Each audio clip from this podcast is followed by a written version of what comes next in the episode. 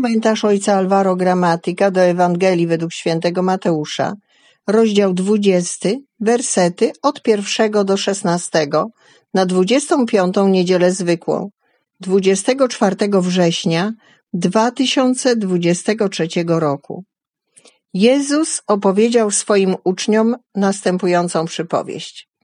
Królestwo niebieskie podobne jest do gospodarza, który wyszedł wczesnym rankiem, aby nająć robotników do swojej winnicy.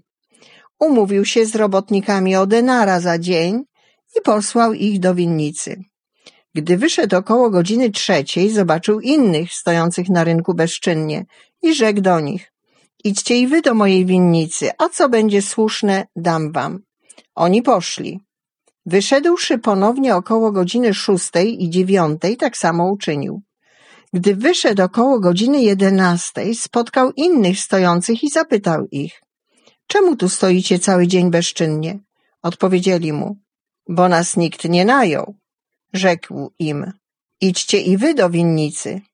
A gdy nadszedł wieczór, rzekł właściciel winnicy do swego rządcy: Zwołaj robotników i wypłać im należność, począwszy od ostatnich aż do pierwszych. Przyszli najęci około jedenastej godziny i otrzymali po denarze. Gdy więc przyszli pierwsi, myśleli, że więcej dostaną, lecz i oni otrzymali po denarze. Wziąwszy go, szemrali przeciw gospodarzowi, mówiąc: Ci ostatni jedną godzinę pracowali, a zrównałeś ich z nami, którzy znosiliśmy ciężar dnia i spiekotę. Na to odrzekł jednemu z nich: Przyjacielu, nie czynię ci krzywdy.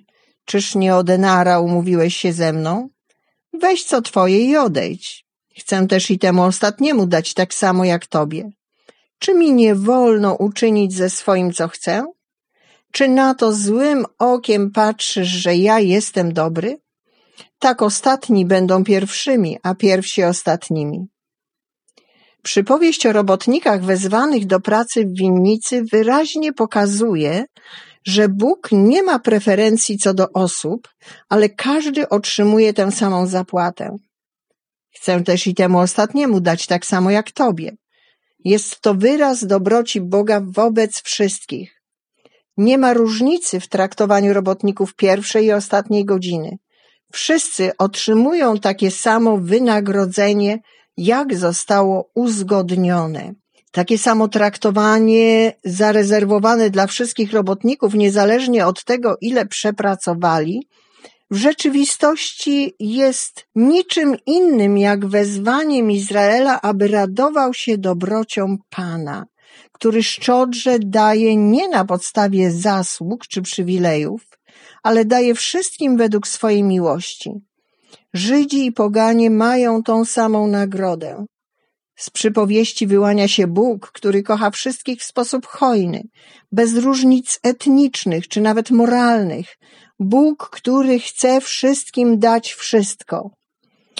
Zaakceptowanie faktu, że Bóg zawsze kocha i że nieustannie wzywa każdego człowieka, aby dać każdemu tę samą nagrodę, jest być może rzeczywistością najtrudniejszą do przyjęcia. Często dręczą nas wątpliwości, czy na coś zasługujemy, czy jesteśmy godni bycia kochanymi. Dlatego na wszelkie sposoby staramy się być zauważeni i docenieni. Boimy się, że zostaniemy zapomniani i porzuceni. Przeraża nas samotność i zapomnienie. Jest to konsekwencja naszej zranionej ludzkiej natury. Boimy się sądu Bożego i dlatego wszelkimi sposobami staramy się pozyskać Jego przychylność. Jednak taka postawa prowadzi do rozpaczy i nie pozwala zaufać Bogu i odczuć Jego bezwarunkową miłość. Jak przyjąć Boga, który zachowuje się w taki sposób, który wydaje się być sprzeczny z wszelką słuszną logiką odpłaty? Stańmy na ostatnim miejscu jak robotnicy ostatniej godziny. Wtedy Bóg będzie się jawił jako miłosierny. Jeśli postawimy siebie na pierwszym miejscu jak robotnicy pierwszych godzin, Bóg wyda się niesprawiedliwy, będziemy mieć żądania i nie będziemy umieli cieszyć się Jego darem. Będziemy żyć w smutku. Stawianie siebie na ostatnim miejscu oznacza wybór stylu życia, w którym dominuje miłosierdzie. Ponieważ mamy świadomość, że potrzebujemy akceptacji i przebaczenia. Dlatego wszystko, co otrzymamy, nawet praca na rzecz królestwa, będzie wyłącznie darem. Jesteśmy zaproszeni do życia we wdzięczności za to, do czego jesteśmy powołani, wiedząc, że na nic nie zasługujemy, że potrzebujemy uwagi i przyjęcia. Pracujmy więc bez roszczeń i z wdzięcznością wobec Pana. W ten sposób będziemy mogli radować się Jego dobrocią i nauczymy się dzielić Jego hojnością z naszymi braćmi, nie zapominając, że na nic nie zasługujemy. Odkryjemy wtedy, że jesteśmy dziećmi jednego Ojca, który kocha wszystkich. Będziemy świadkami hojnego i obfitego zbawienia, jakie dał nam Jezus, zbawienia, z którego nikt nie jest wykluczony.